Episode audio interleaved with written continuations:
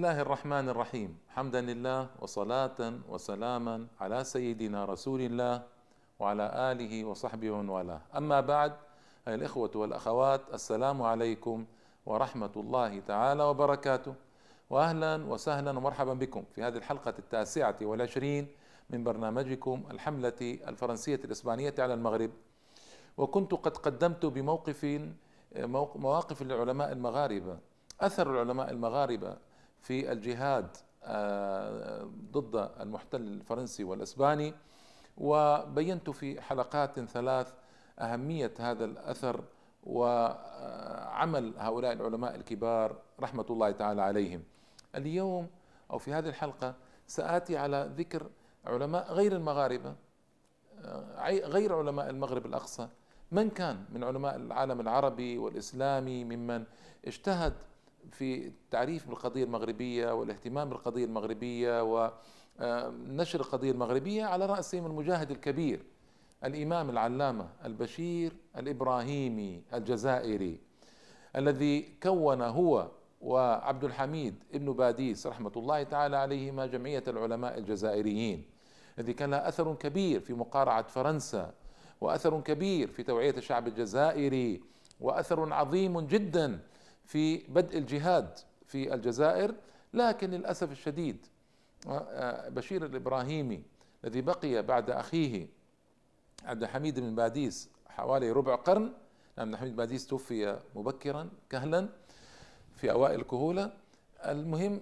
عبد البشير إبراهيم تنكرت له آه، تنكر له الجيش الجزائري وتنكر له أحمد بن بلة أول رئيس جزائري بعد الاستقلال وتنكر له آه، محمد بوخروبة آه، الطالب الأزهري وين العجب الذي أصبح فيما بعد هواري بومدين حاكم الجزائر الذي تبنى الماركسية وإنا لله وإنا إليه راجعون وهو, وهو أزهري تبنى الماركسية اللينينية في الجزائر وأقصى البشير الإبراهيم أقصي البشير الإبراهيمي على أيدي هؤلاء ومات مقهورا في إقامة شبه جبرية في شقة ضعيفة جدا متواضعة جدا وما هكذا يكرم العلماء وإنا لله وإنا إليه راجعون. المهم هذا العالم الكبير بشير إبراهيمي كان له أثر في قضية المغرب. أولا في جمعية علماء المسلمين أدخل بعض المغاربة آه، منهم محمد بن العربي العلوي وأحمد بن محمد التيجاني مجموعة من علماء المغرب. ودعا لتشكيل اتحاد أحزاب الشمال الإفريقي لتنسق فيما بينها للجهاد والمقاومة. و أشرك من المغرب حزب الاستقلال وحزب الإصلاح وحزب الشورى وحزب الوحدة إلى آخره. وقام بالتصدي للجلاوي هذا الذي الجلاوي الذي جعله الفرنسيون مثل سلطان على مراكش وكادوا يعهدون إليه بالسلطنة العظمى في المغرب. وهذا الرجل فاسد نسأل الله العافية والسلامة خائن لبلاده متعاون مع الاحتلال الأجنبي. هذا الرجل الفاسد الذي كان يرهق المغاربة بالضرائب ويقمع الثورات المجاهدين ويدل على عورات المجاهدين بل يحرض الفرنسيين على المجاهدين. يعني سيرته عفنة. نسأل الله العافية. حمل عليه حملة شعواء البشير الإبراهيمي وعراه وأظهره في وقت مهم جدا. يعني قال هذا الرجل ما زال منذ كان الاستعمار في المغرب والاستعمار كلمة أنا ما أحبها. هو استخراب هو استدمار هو احتلال أكل الأخضر واليابس أي استعمار. ماذا فعلوا من العمارة في المغرب أو في غير المغرب؟ لكن يعني أجري على مصطلح القوم. قال هذا الرجل ما زال منذ كان الاستعمار أي الاستخراب في المغرب لا كان يعني لا الاستخراب ولا هو آلة صماء في يده. هذا الرجل الخائن آلة صماء في يد الاحتلال الأجنبي. يديره كما شاء ويريده على ما شاء. يحركه للفتنة فيتحرك. يدعوه إلى تفريق الصفوف فيستجيب. يندبه إلى التضريب تضريب يعني التحريش. يندبه إلى التضريب والتخريب فيجده أطوع من بنانه. ويريد منه أن يكون حمى تنهك فيكون طاعونا يهلك. هو البشير إبراهيمي بليغ إلى الدرجة العليا من البلاغة. اثنان من علماء مفكرين العصر وصلوا للدرجة العليا من البلاغة في ظني طبعا وهو البشير الإبراهيمي وشكيب أرسلان. شكيب أرسلان اللبناني الدرزي الذي تسنن والبشير الإبراهيمي العالم الجزائري الكبير. هذان الاثنان كتابتهما ككتابة السلف الأول في البلاغة والقوة والجزالة والرصانة. وهما من علماء العربية الكبار.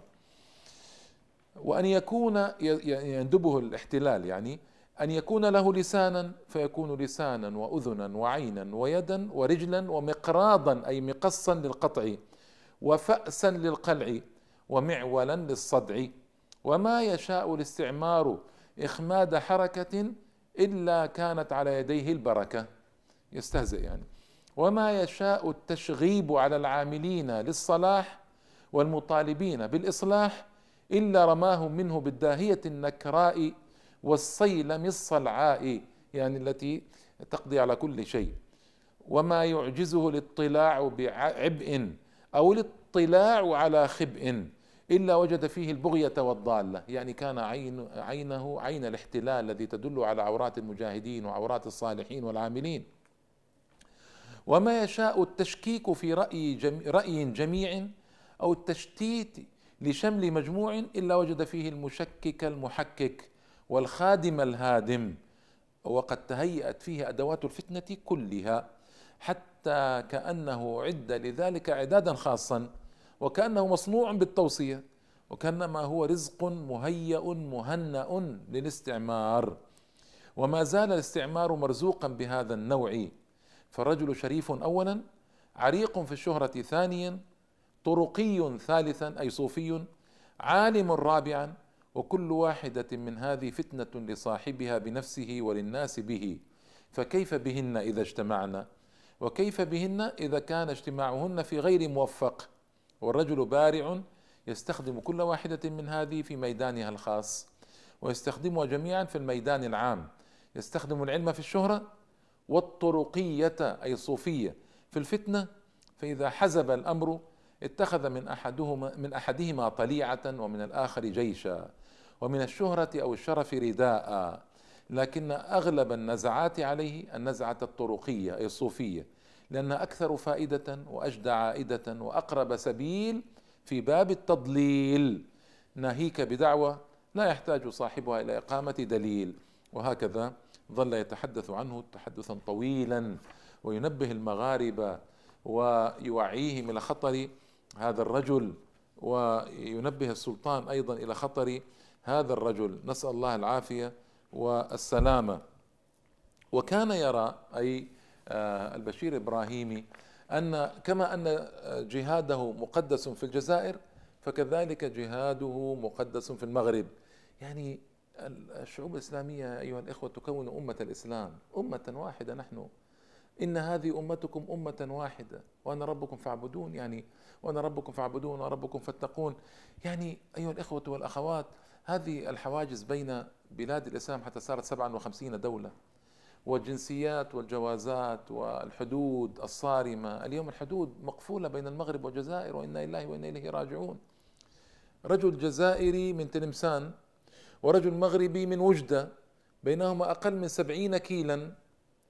كيف يصل بعضهما إلى بعض؟ يسافر المغربي من وجدة إلى الدار البيضاء. تصور المسافة. ليصعد بالطائرة إلى تلمسان.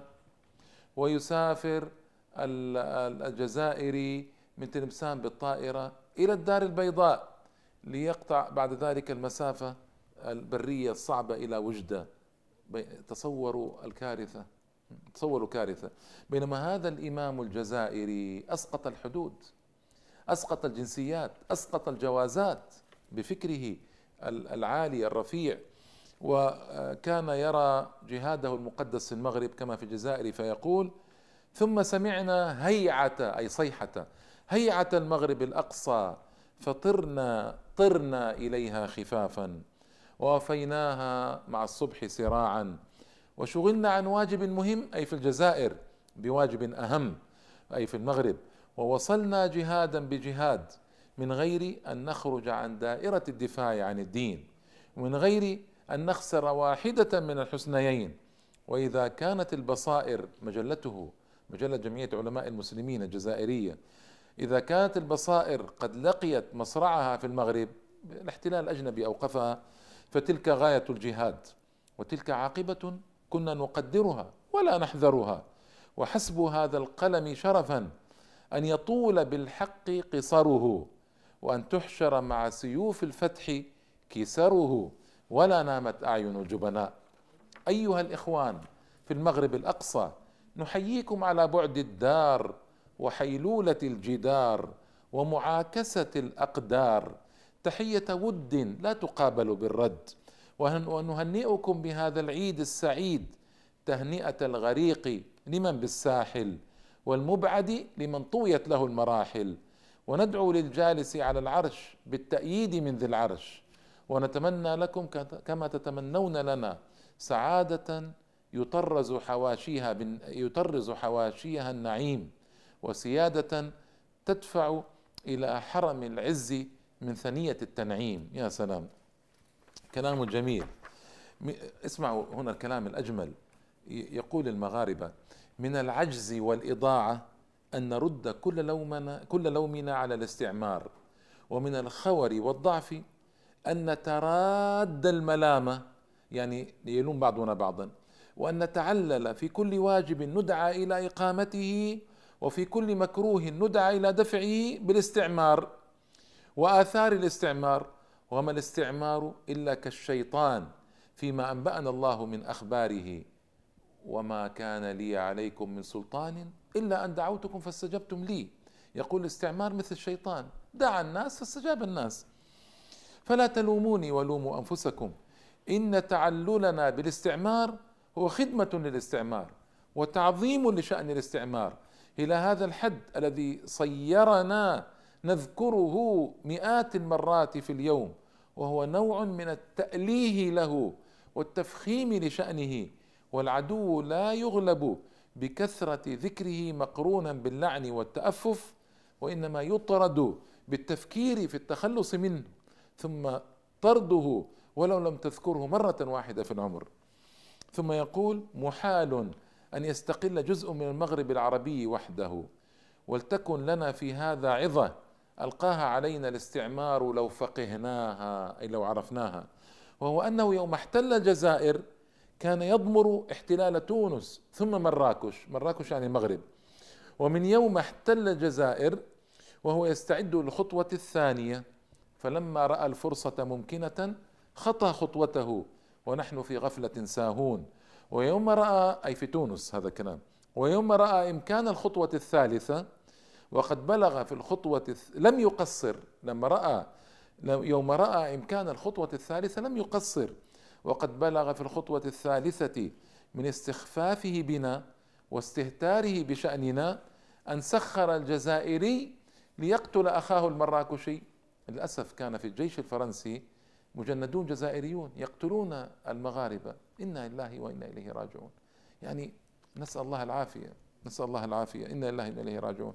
وهل جزائريون فقط؟ لا جزائريون وتونسيون وسنغاليون يقاتلون في المغرب إخوانهم المسلمين وإنا لله وإنا إليه راجعون. لو كان أجدادنا على شيء اسمعوا هذا الكلام في غاية الأهمية لو كان أجدادنا على شيء من فهم معنى التضامن الإسلامي لما ترك المراكشي أي المغربي والتونسي الجزائر تتخبط وحدها في المقاومة. يعني فرنسا احتلت الجزائر والتونسي ينظر ويراقب والمغربي ينظر ويراقب فيما عدا بعض الأمور التي ذكرتها من قبل التي معركة إسلي وغيرها. ولنبهتهم ضمائرهم أن هذا الغول إن تغدى بالجزائر فسيتعشى بتونس ومراكش ولكنه أي الاحتلال الأجنبي يعني. الغول كان مستيقظا وكانوا نائمين حتى انتهى الأمر إلى الغاية المحزنة. صيحتي إلى أبناء المغرب العربي ألا يضيعوا الوقت في التلاوم والتعلات الفارغة الأعذار يعني الفارغة. فإن الزمن سائر وإن الفلك دائر وإن الوقت أضيق من أن نقضيه في مثل هذه التوافه. فإذا لم يزعنا دين إذا لم يدفعنا دين دفعا إلى الجهاد والعمل فالتزعنا المروءة. وإذا خلونا منهما معا خلونا يعني من الدين والمروءة فلتكن فلتكن الثالثة المرعية بالعين وهي هذه الذلة التي غمرتنا. وهذا الاسترقاق أي العبودية الذي أوصلنا إلى سوء غاياته وهي أننا أصبحنا في درجة نخجل أن نسميها عبودية. وإذا كان الاستعمار قويا كما نتخيل فإننا نزيده قوة بتخاذلنا وتفرقنا وتطاحن هيئاتنا. وإضاعة أوقاتنا الثمينة في الجهل الفارغ والانسياق مع الأهواء المضللة التي أضاعت علينا استغلال الكفاءات الموجودة وهيهات أن يحيا وطن أو يستقل بالهتافات المتردد بالهتافات المترددة من الحناجر بين يحيى فلان ويسقط فلان. يعني هتافات فارغة للأسف يحيى كذا ويسقط فلان ويحيى فلان وأحزاب وكذا إن عدونا واحد فلنلقه في ميدان واحد برأي واحد وصف واحد. ولو فعلنا وأخلصنا لسعت إلينا الحرية ركضا. ولكن عدونا أعلم بهذه النقائص فينا منا. فهو نائم ملء عينيه ما دام يرانا على هذه الحالة. أزعجوه. أقضوا مضاجعه باتحاد لا يتزعزع وعزائم لا تتزلزل. وأخلاق يذعن لها الجبابرة. ويومئذ تجدون الاستعمار وقوته وأساليبه وتخيلاتكم فيه كلها باطلا في باطل وتجدون منها جميعا ما ما يجدع الخائف من الغول الذي لا حقيقة له. طيب آه أيها المغاربة إن عدوكم عرف من دينكم أكثر مما تعرفون. بل عرف منه ما لا تعرفون. وهو أنه أي الدين منتج للقوة والفضائل فلذلك حاربه عالما به وكنتم عونا له على حربه جاهلين بما يعلمه عدوكم منه أي من الدين من دينكم. فهل لكم أن تراجعوا بصائركم في هذه النقطة على الخصوص؟ فتعلمون أي ذخائر من القوة أضعتم وأي كنز فرطتم فيه واستغله عدوكم.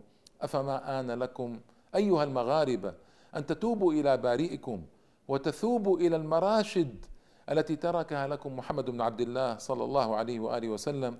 إنكم إن فعلتم فضضتم المعركة بينكم وبين عدوكم بضربة وكنتم المنتصرين. ثم ينادي في الثوار بثلاث صرخات المغاربة يعني. الصرخة الأولى موجهة إلى ذات الآذان الصماء عن الحق. فرنسا. التي تتمارى بالنذر وتعمى عن الحقائق وتكفر بسنن الله في أمثالها من الظالمين وتسجد أي فرنسا للاقوياء وتتأله على الضعفاء هذه نتيجة سياستك البليدة وهذا جني غرسك الخبيث. زرعت الحنظل فتجرعي مرارته وحاربت الله في دينه ومحارب, ومحارب الله محروب أي مهزوم.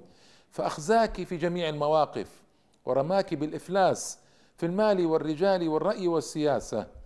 حاولت أن تقطعي ما وصل الله من أجزاء الشمال الإفريقي فكان ظلمك أكبر جامع لشملها وأعظم موحد لها في بغضك. ثم في الثورة عليك. ويا ويحك إذا انفجرت عليك موجات الغضب من القلوب المملوءة حقدا عليك والصدور التي ضاقت بظلمك وطغيانك. وقد رأيت وسترين ما يقض ما يقض مضجعك. ابتلعت المغرب العربية قطعة قطعة وستخرجين منه دفعة واحدة أو دفعة واحدة بإذن الله. الصرخة الثانية موجهة, موجهة إلى أبناء المغرب العربي كلهم. اعلموا أيها الأحرار أن مهر الحرية غال. الله أكبر. أن مهر الحرية غال وأنه لا ينقد إلا دماء دماء تراق. يعني لا يعطى إلا دماء. ونفوسا تزهق. فوطنوا أنفسكم على تحمل الشدائد والمكاره وإن وطنكم عزيز فادفعوا في تحريره الثمن الباهظ. إنكم قمتم بواجب لا يقبل منكم أداؤه إلا بالمحبة وطهارة القلوب. واقتحمتم ميدانا لا تنتصرون فيه إلا بالاتحاد وجمع الكلمة وتسوية الصفوف وتنظيم الخطط والصبر على البلاء في الأنفس والأموال لأن كل بلاء يصيبكم في هذا السبيل فبلاء الاستعمار البغيض أشد منه وأنكى أيها الأحرار. اصبروا وصابروا ورابطوا واتقوا الله لعلكم تفلحون. الصرخة الثالثة موجهة إلى الشعوب العربية وحكوماتها. يا أبناء العمومة إن هذه الشعوب الثائرة في تونس والجزائر ومراكش أي المغرب هم إخوانكم أجزاء من جسمكم نصف عددكم والقطع والقطع الخصيبة من وطنكم. والسهام الرابحة من رأس مالكم. قد ابتلاهم الله باستعمار منهوم أي لا يشبع. لم يترك لهم درهما في جيب ولا ريشة في جناح ولا عقلا في دماغ. فإذا ثاروا اليوم فإنما يثورون لشرف هو شرفكم وكرامة هي كرامتكم. فالآن وجب حق الأخ على أخيه من إسعاف يشد العزيمة ونجدة تقوي الأمل. وأن عدوهم هو عدوكم. لم تجدوه دائما إلا في مواطن الخذلان لكم أي العدو. وجلب الشر إليكم وكفى بموقفه منكم في قضية فلسطين. الله أكبر. يعني شيء رائع جدا. أنتم قادرون إن شاء الله على نجدة إخوانكم في موقفهم الفاصل الذي هم فيه وعارفون بوجوه النجدة. ولا تحتاجون بحمد الله إلى من يعرفكم بواجب أو يدلكم على كيفية أدائه. وإنما نحن مذكرون متألمون وذكر المتألم تنفع المؤمنين. و ثم خاطب المغاربة والجزائريين قال لهم اليوم حياة أو موت بقاء أو فناء. حياكم الله أيها الثائرون الأبطال وبارك في جهادكم وأمدكم بنصره وتوفيقه. وكتب ميتكم في الشهداء الأبرار وحيكم في عباده الأحرار. يا سلام. كلام رائع. وخاطب الجزائريين وخاطب المغاربة. ثم أختم بقوله إن فر أيها المجاهدون الأحرار. كلام مهم جدا. إن فرنسا لم تترك لكم دينا ولا دنيا. أوقافكم مصادرة. سواء في الجزائر أو المغرب يعني. أوقافكم مصادرة. لم يبق منها أثر ولا عين. مساجدكم حولت إلى كنائس ومرافق عامة. أرضكم الغنية مغصوبة. أعراضكم مستباحة. كرامتكم مهدورة. أراقت فرنسا من دماء أبنائكم. انهرا أنهارا يعني. في الحروب الاستعمارية والإجرامية. آه، لأنها كانت تأخذ مثلا المغاربة تحارب بهم في آه، السنغال مثلا. تأخذ السنغاليين تحارب بهم في الجزائر آه، تأخذ التونسيين تحارب بهم في المغرب. يعني هكذا آه، أمور آه، تنكي وتبكي. طيب أراقت فرنسا نعود إلى كلام البشير الإبراهيمي كلام العظيم الرائع. أراقت فرنسا من دماء أبنائكم أنهارا في الحروب الاستعمارية والإجرامية. ولا تزال حتى الآن تطمع في تسخير الملايين منكم لإذلال الأحرار من أمثالكم كما فعلت في مدغشقر والهند الصينية. يعني كانت تأخذ أيضا بعض أهل الشمال الإفريقي لتحارب بهم في مدغشقر. يعني العدو لا يحارب بأولاده ضنين بأولاده أيها الإخوة والأخوات. لذلك لما في مرة ثار البرلمان الفرنسي على قائد جزائري قالوا كيف كذا يعني تفعل بجيش فرنسا وكيف وكيف. قال أي جيش فرنسا؟ نعم أن قادة فرنسيون لكن الجيوش من السنغال ومن المغرب ومن كذا. فيعني آه، لا يضحون بأولادهم. إنا لله وإنا إليه راجعون يضحون بنا. قال آه، ولا تزال ولا تزال أي فرنسا تساوم بكم وبخيرات أرضكم. الدول الكبرى لمصالحها كأنكم ضرب من البضاعة أي نوع من البضاعة. ولقد عرفنا من خبث فرنسا ما يحملنا على الاعتقاد بأن ما تنويه من غدر وما تخفيه من حقد أعظم من أن يوصف. فانتبهوا أشد الانتباه. إن اعلموا أن الجهاد للخلاص من هذا الاستعباد قد أصبح اليوم واجبا عاما مقدسا. فرضه عليكم دينكم وفرضته قوميتكم وفرضته رجولتكم وفرضه ظلم الاستعمار الغاشم الذي شملكم. ثم فرضته أخيرا مصلحة بقائكم لأنكم اليوم أمام أمرين إما حياة أو موت إما بقاء كريم أو فناء شريف. لا إله إلا الله. ما أجمل هذا الكلام وما أحسنه وما أروعه كلام البشير الإبراهيمي الإمام. الذي لم يكتفي بالجهاد في الجزائر وإنما وجه جهاد لسانه إلى المغاربة وأحيا فيهم معاني كثيرة. هذا مثال على عمل العلماء من غير المغرب الأقصى. وسآتي بمثال آخر إن شاء الله تعالى في الحلقة القادمة. إلى اللقاء. والسلام عليكم ورحمة الله وبركاته.